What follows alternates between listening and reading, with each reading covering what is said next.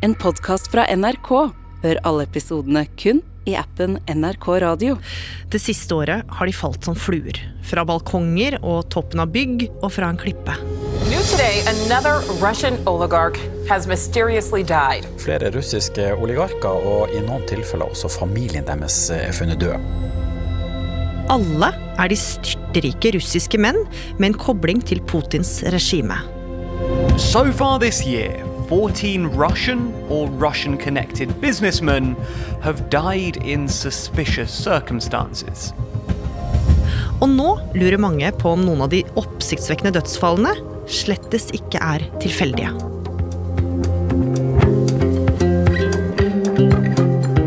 Du hører på Oppdatert. Jeg heter Gry Veiby. Er det én karriere du ikke vil ha akkurat nå, Gry, så er det russisk oligark. Om du i tillegg kanskje har vært skeptisk til krigen i Ukraina eller det russiske regimet, så kan det potensielt være med et dødelig utfall.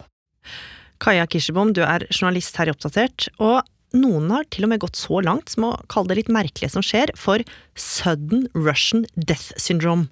Altså et slags plutselig og dødelig syndrom som ser ut til å ha ramma en ganske så omstridt gruppe med steinrike russere. Ja, for det siste året har over 20 personer blitt funnet døde, og nå spekulerer flere i om russiske myndigheter kan ha trukket i trådene. Og Kaja, første gang både du og mange andre begynte å stusse, var da det kom to litt rare nyhetsmeldinger i midten av april i 2022. Ja, for den 18. og 19. april så kom det to rystende nyhetssaker etter hverandre. På under 24 timer hadde to russiske menn og familien deres blitt funnet døde. 55-year-old Sergei Protosenya and his wife and daughter found dead in their home in Spain Tuesday. And Vladislav Aveyev, a 51-year-old former VP at Gazprom Bank, and his wife and daughter found dead in their Moscow apartment. Først ble en mektig og rik forretningsmann, Vladislav Avajev, og familien hans funnet døde i en luksusleilighet i Moskva. Avajev ble funnet død med en pistol i hånda, mens kona og tenåringsdatteren ble funnet med skuddskader. Leiligheten så ut til å være låst fra innsiden, og politiet skal ha funnet så mange som 13 våpen der inne. Russia's state news agency says Moscow police are investigating the deaths of Aveyev and his family as a murder suicide, tantamount to saying nothing suspicious here. Dagen etter ble en annen russisk mann og familien hans funnet døde i en ferievilla i Spania. Han ble funnet hengt i hagen, mens kona og datteren hadde blitt drept med øks. Og Politiet i Russland og Spania de begynte å etterforske disse dødsfallene og jobbet ut fra en teori om at begge mennene hadde drept familiene sine før de hadde tatt sitt eget liv. Og grunnen til at dødsfallene som så ut som fæle familietragedier, fikk ekstra oppmerksomhet, var at disse mennene her, de var ikke hvem som helst. Nei, det var snakk om to meget velstående menn. De hadde begge høye posisjoner innenfor det russiske samfunnet, innenfor store bedrifter. Den ene innenfor energibransjen, og den andre innenfor en stor bank. Og disse to, de var begge for russiske oligarker å regne. Ja, og det er jo en spesiell gruppe. Ja, Oligarkene er på ingen måte hvem som helst. Ordet betyr fåmannsvelde, og det er en eksklusiv gjeng som består av styrterike menn som kontrollerer store ressurser i Russland og andre tidligere sovjetstater. Og disse de har kallet til seg kontroll over det som tidligere var store statlige bedrifter, ofte knytta opp til olje, kull, jern og stål, og har sittet på enorme verdier.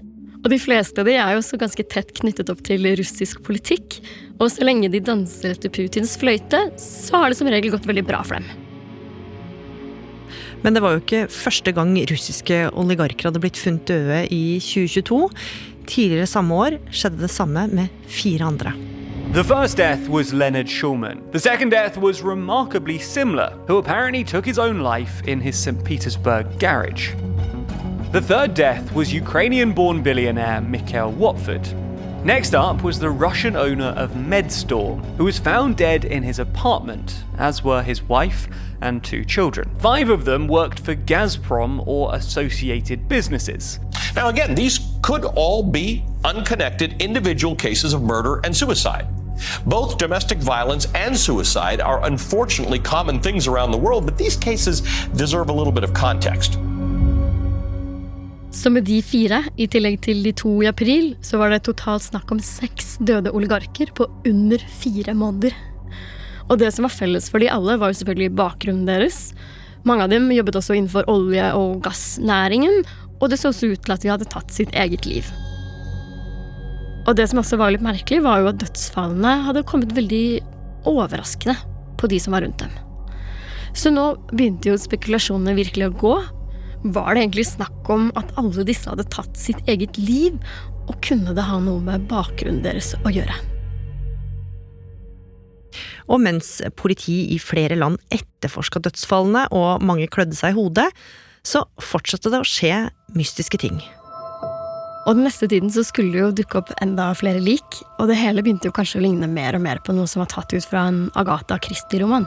Krakevskijs body being found at the bottom of a cliff near the city of Sochi. It's reported that he fell off the cliff while hiking to the Ashpiece fortress. Og det var jo særlig ett dødsfall som skilte seg ut. In May, another Lukoil Oil executive, Alexander Sabotin, died. His body was reportedly found in the home of a shaman who performed Jamaican voodoo rituals. Det var 7. mai i en by nordøst for Moskva. En veldig mektig mann, en tidligere toppsjef for Luke Oil, han skal ha oppsøkt hjemmet til en sjamaikansk sjaman. Og ifølge lokale russiske aviser så skal oligarken ha vært så sterkt ruspåvirka at han skulle ha bedt om en spesiell kur mot fyllesyke. Og denne kuren den skal inneholde bl.a. paddegift. Dagen etter ble oligarken funnet død i kjelleren til sjamanen i det som ble omtalt som et slags voodoo-rom. Og Politiet de satte i gang etterforskningen og mente at han skulle dødd av et hjerteinfarkt. Og det stoppa jo ikke der, for en knapp måned seinere så ble en annen mektig russisk mann funnet død, og denne gangen i et svømmebasseng. Og med ti dødsfall så dukket det opp en egen Wikipedia-side med liste over de døde. Og det manglet ikke på ulike teorier og folk som begynte å se etter sammenhenger. Og det var jo også en kjent sak at disse oligarkene hadde hatt det relativt tøft etter at krigen mot Ukraina hadde begynt. Tonight, I say to the Russian oligarchs and the corrupt leaders who built billions of dollars off this violent regime, no more. De er eh, styrtrike, mange er glad i makt, fotballklubber og fine yachter. Nå rammes mange av Vladimir Putins nærmeste venner i forretningsverdenen av eh, Vestens sanksjoner. They're going to target yachts, real estate, and ill-gotten Putin's inner circle, the oligarchs with wealth parked around the world. Etter invasjonen så innførte Vesten sanksjoner mot Russland. Ikke bare for å prøve å svekke den russiske økonomien, men også for å prøve å svekke Putin og hans allierte. Og det gikk jo hardt utover oligarkene, for mange av dem fikk midlene i utlandet fryst, de tapte masse penger, og mange opplevde også at privatfly og yachter i utlandet ble taua inn. Og kunne kanskje det være en av grunnene? At de rett og slett hadde vært under et veldig hardt press. Russland er jo også kjent for å være en av de landene i verden som er høyest selvmordsrate blant menn. Så da var det kanskje ikke så usannsynlig at noen av disse mennene kunne ha tatt sitt eget liv. Men så var det også en annen teori. For kunne noen av disse ha havnet i unåde hos Putin? For om det er én ting vi vet, så er det at Putin har styrt Russland med jernhånd de siste tiåra, og at han er en fyr du ikke piller på nesen. Og det ville jo ikke vært første gang flere regimekritiske russere hadde levd farlig. Det er jo viden kjent at russiske agenter, politikere, oligarker og kritiske journalister har måttet bøte med livet.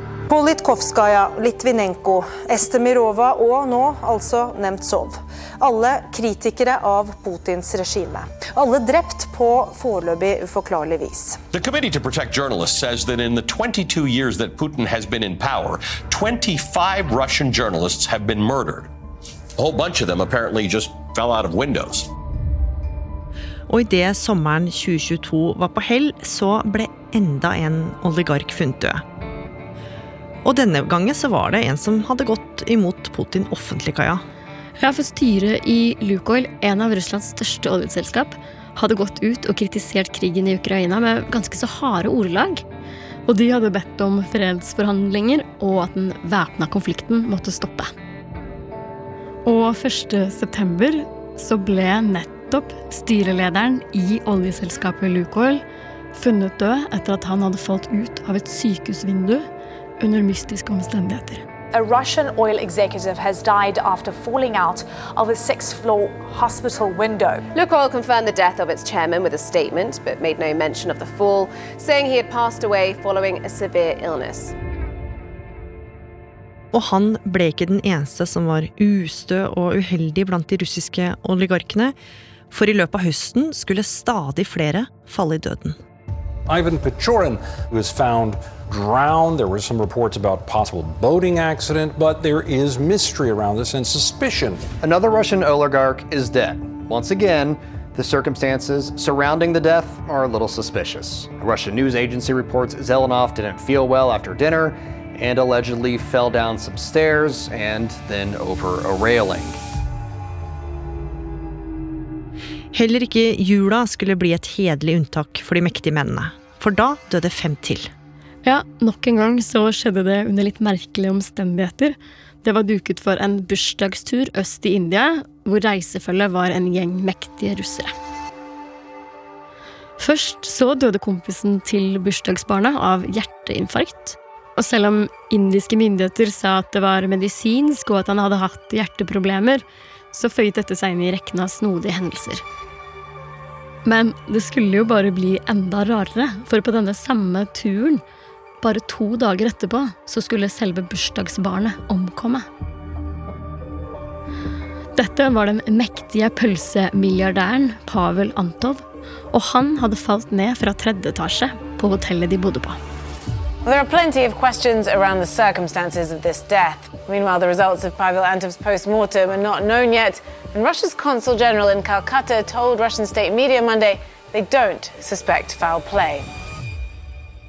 Og nå var det mange som ikke lenger var i tvil om at disse dødsfallene de gikk utover mektige menn som var negative til Putin. Ja, for også Antov, pølsemilliardæren, hadde uttalt seg kritisk til krigen. I et innlegg på WhatsApp hadde han omtalt Russlands invasjon i Ukraina som terror. Men det tok ikke så veldig lang tid før dette innlegget ble sletta. Antov han sa selv at eh, det hadde vært noen andre som hadde skrevet det, at det hadde vært en misforståelse, og at han var en patriot, og at han støttet Putins invasjon. Så på ett år så har over 20 mektige russiske menn mellom 37 og 73 år blitt funnet døde. Ja, flere av dødsfallene de blir fortsatt etterforska. Men fordi dette har skjedd på russisk jord, er det veldig vanskelig å vite hvilken informasjon som stemmer fra russiske myndigheter og russiske medier. Jan Espen Kruse, du er utenriksjournalist her i NRK og tidligere Russland-korrespondent. Det er mange spekulasjoner om den lange lista med døde oligarker og næringslivstopper. Noen mener at Kreml, altså russiske myndigheter, står bak. Men kan vi egentlig si det?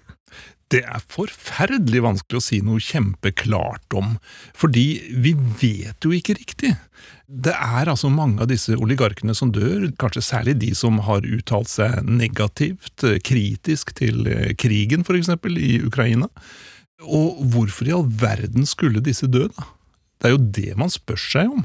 Eh, man vil kanskje si at eh, vel, noen kan ha blitt utsatt for press. Kanskje har de tatt sitt eget liv. Kanskje har situasjonen de har stått oppe i vært så vanskelig. Men uansett så er det jo så merkverdig at så veldig mange av dem skulle ta eh, enten sitt eget liv eller dø på uklart, mystisk vis. Sånn at det, det setter jo i gang en haug med spekulasjoner.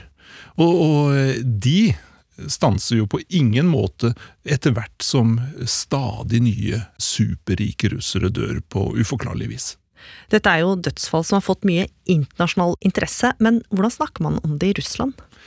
Russere flest de eh, er ganske opptatt av konspirasjonsteorier. Og de er ganske overbevist om at det er en veldig stor sammenblanding mellom politikk og økonomi, og at på toppen i Russland, i de politiske og økonomiske elitene, så går interessene begge veier. Sånn at russere flest vil si at nei, ja, men selvsagt er det jo sånn at uh, politikere og de fremste forretningsfolka de er i nær kontakt, og de inngår avtaler om forskjellige ting. Og uh, det nære samarbeidet kan naturligvis ofte føre til konflikter. Og kanskje er det det som er forklaringen, vil mange russere si. Altså at Kreml har tatt livet av dem? Ja, eller at det ikke nødvendigvis Kreml, men at det er interesser forskjellige interesser som er villige til å bruke brutale metoder for å få gjennom det de vil. Men hva med de andre oligarkene, ser de seg over skuldra nå? Eh, de fleste oligarkene har nok tatt eh, beskjeden fra politisk ledelse ganske klart, at du skal ikke blande deg inn i politikk. Og det er ikke smart, hvis du vil fortsette å være superrik i Russland, å kritisere myndighetene, enten for krigen i Ukraina eller for andre ting. Da er det smartest å tie stille og drive med sin forretningsvirksomhet, øh, og ikke blande seg inn i brennbare, omdiskuterte spørsmål. Sånn at eh, etter det som har skjedd det siste året, så vil nok de fleste oligarkene være forsiktige, og de vil neppe kaste seg inn i politikk.